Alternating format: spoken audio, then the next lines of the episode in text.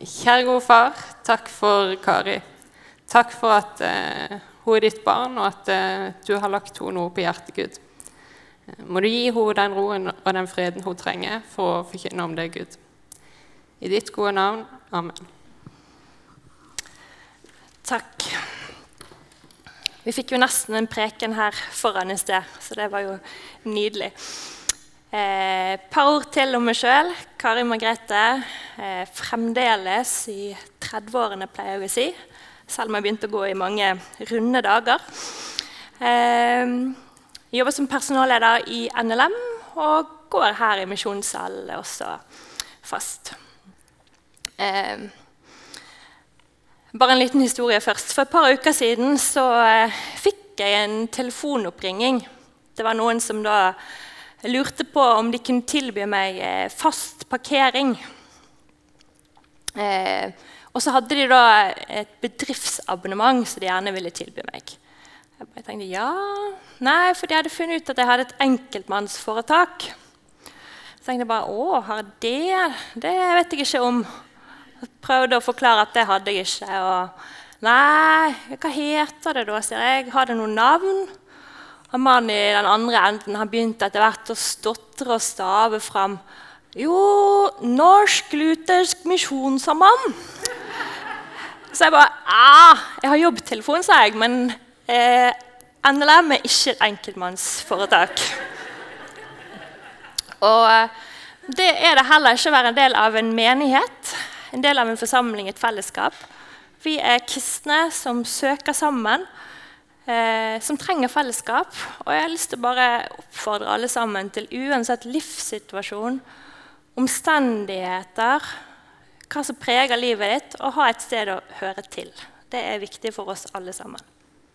Hmm. Dagens tekst er en del av eh, åpenbaringstiden som vi nå er inne i i kirkeåret. Eh, og søndagen, kalles, Denne søndagen kalles ofte for Kristi forklarelsesdag.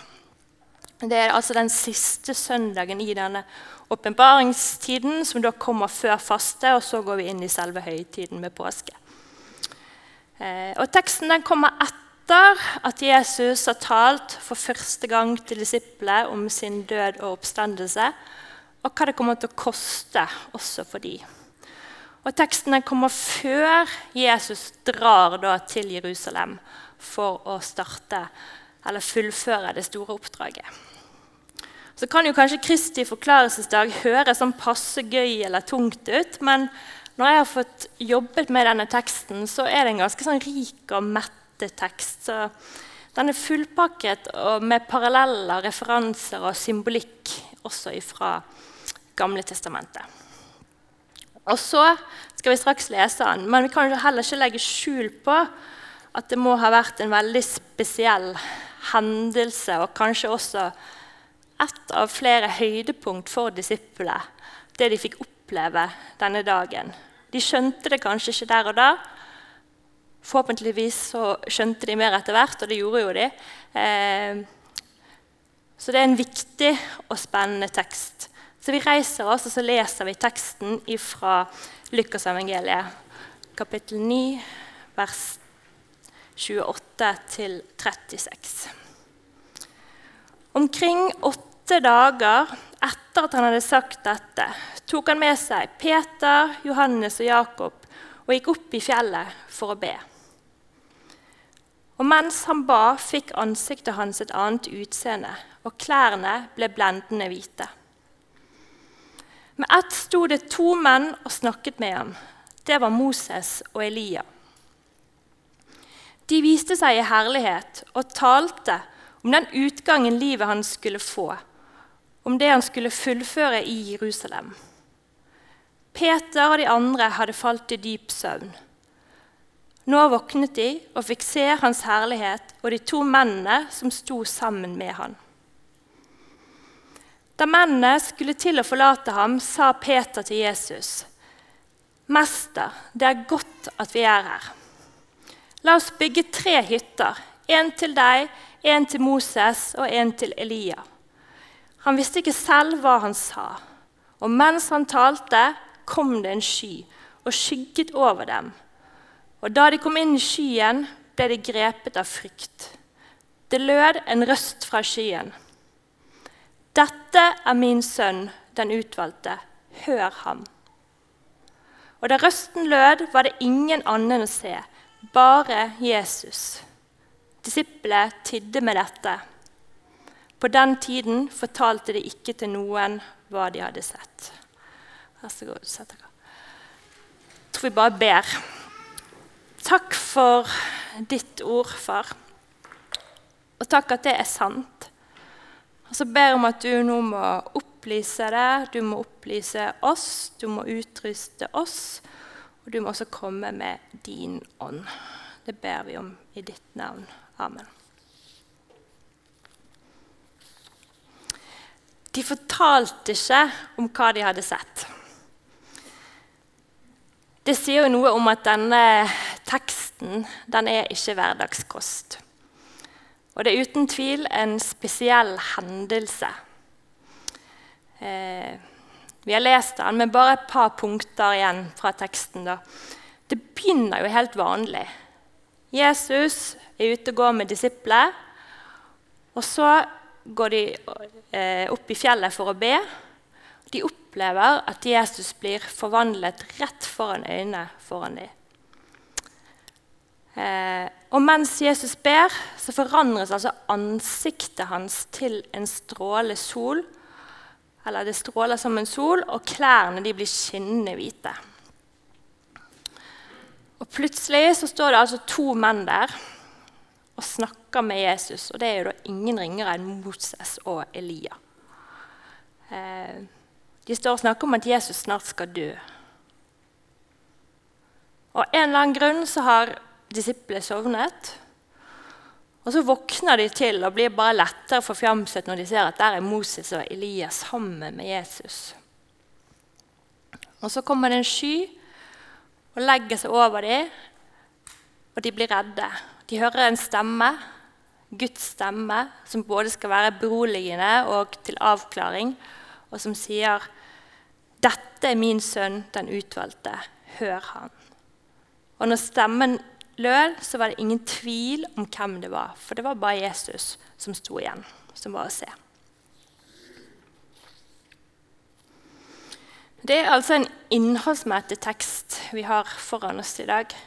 Vi finner den i alle disse tre synoptiske evangeliene. Og han er full av referanser. Så mange andre ganger så tar Jesus med seg disiplene opp på fjellet for å be. Og nettopp fjellet er den første referansen vi skal legge merke til.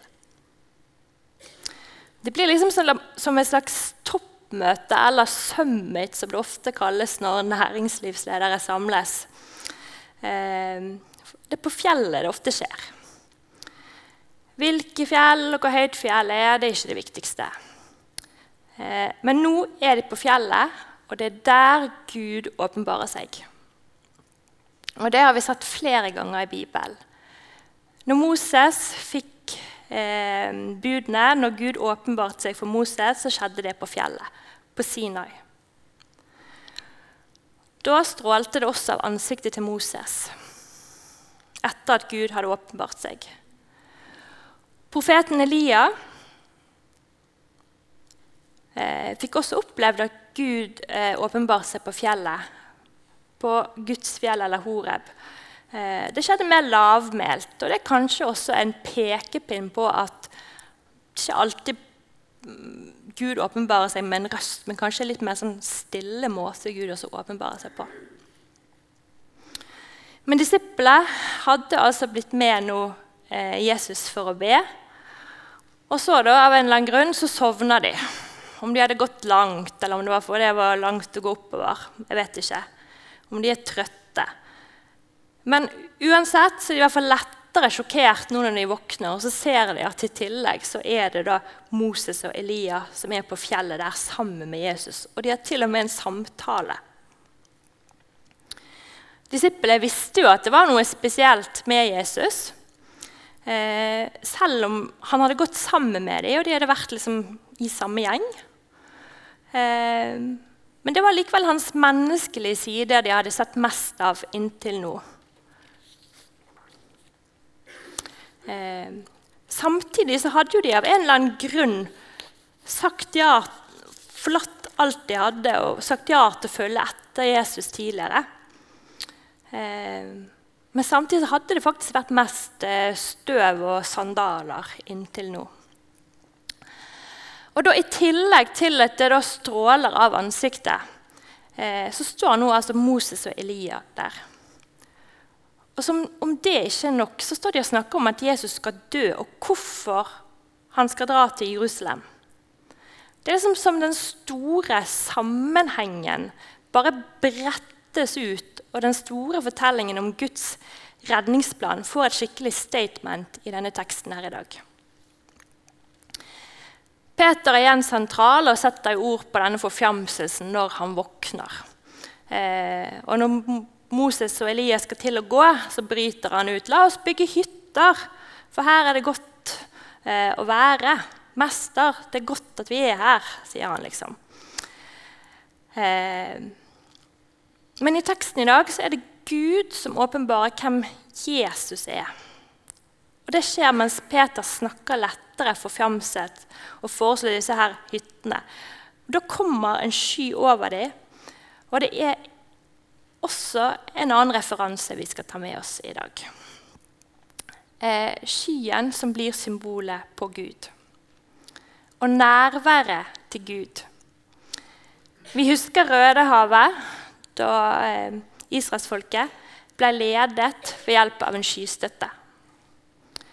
Eh, det var en sky eh, som kom, og, men skyen var der.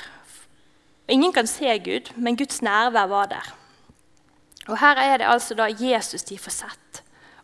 Eh, og på den måten så får de også sett Gud. De får se Gud uten at de er klar over det det er paradoksalt. De får se Jesu herlighet, eller den guddommelige siden som ikke de har sett så mye av, selv om de har gått sammen og hatt livet sitt sammen med Jesus de siste årene. Som jeg sa innledningsvis, så kommer jo denne teksten etter eh, eh, at Jesus for første gang taler om sin døde oppstandelse. Men før det igjen, en uke før de nå er på fjellet, så har Peter igjen, det er ofte Peter, bekjent hvem Jesus er. Situasjonen en uke før er da at Jesus har vært alene med disiplene. Så lurer han på hva folk sier om han. Hva folk sier at han, hvem han er. Og Disiplene eh, forteller om ulike spekulasjoner, om han er Elia eller om han kan være døperen Johannes. Og Så spør Jesus tilbake hvem sier dere at jeg er? Og så bryter Peter ut. Du er Guds Messias. Og nå på fjellet, altså en uke etterpå, så får Peter, Johannes og Jakob altså bekreftelsen. Folks oppfatning om at han var en profet eller en annen skikkelse, den var feil. Og Dette blir så kraftig understreket når skyen forsvinner. For med skyen så forsvinner også Elia og Moses. Elia som representerte profetene, og Moses som representerte loven. Nå er det bare Jesus som står igjen. Det er bare Jesus det handler om. Det piker, liksom. Det er høydepunktet på toppmøtet. Og dette blir i tillegg illustrert med virkemidler så det holder Ansiktet til Jesus som stråler, klærne som skinner, og denne stemmen som lyder 'Dette er min sønn, den utvalgte'.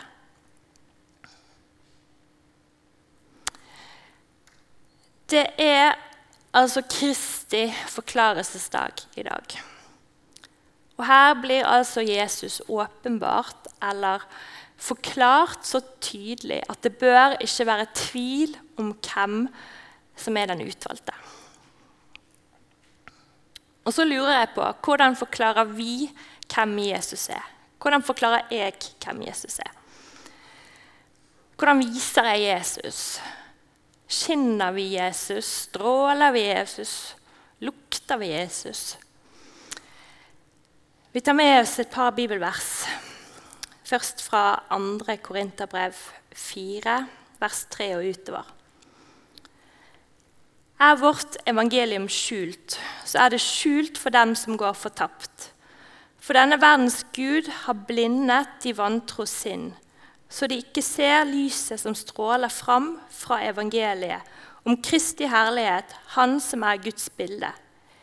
Vi forkynner ikke oss selv, men Jesus Kristus som Herre, og oss som tjenere for dere, for Jesus skyld.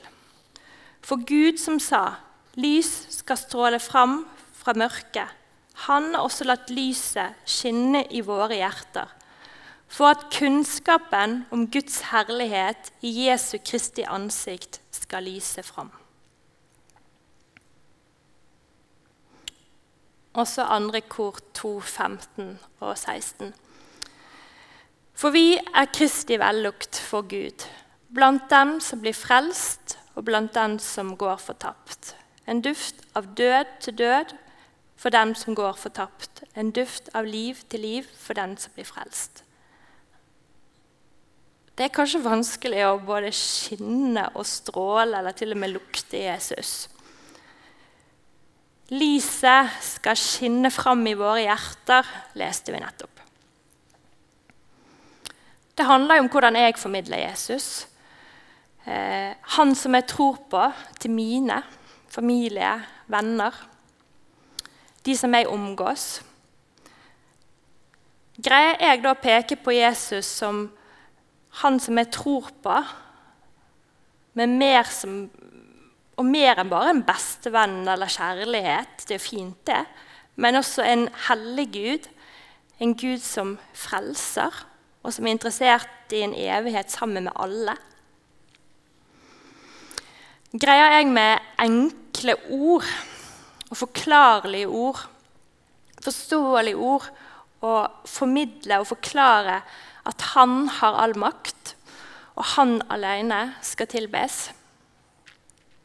om skylden som han tok på seg en gang for alle gjennom Jesus, og at synden, alt det gale som vi gjør, det bærer han. Det er to ting jeg håper vi kan ta med oss i hvert fall fra denne søndagen her i dag. Og det er sikkert mange, men i hvert fall to ting som jeg har stoppet opp når jeg har eh, forberedt meg. Vi må ned ifra fjellet.